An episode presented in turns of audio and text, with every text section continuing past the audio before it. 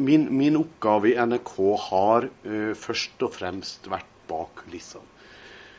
Uh, altså det at en, en, en, en prest eller en, som skal holde morgenandakt i NRK, uh, setter seg bak en mikrofon, så er det min oppgave som produsent å gjøre denne personen trygg. Nå er han nominert til prisen oppkalt etter salmedikteren Petter Dass. Det er ingen som har uh, sunget om Guds skaperverk uh, og løfta Gud opp som Petter Dass.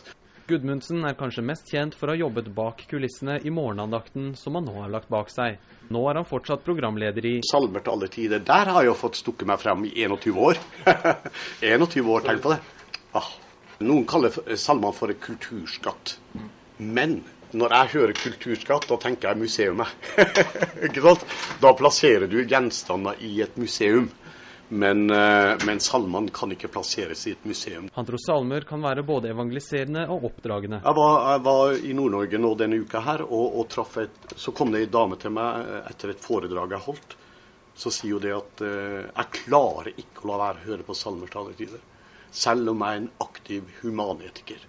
Om han selv ikke vinner, har han en klar mening om hvem som bør få prisen. Jeg unner jo Karsten Isaksen denne prisen, jeg må bare si det. Jeg kjenner jo Karsten veldig godt gjennom mange år i NRK.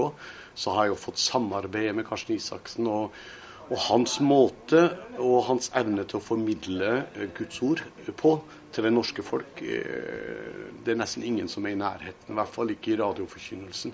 Så han setter jeg veldig, veldig høyt. altså.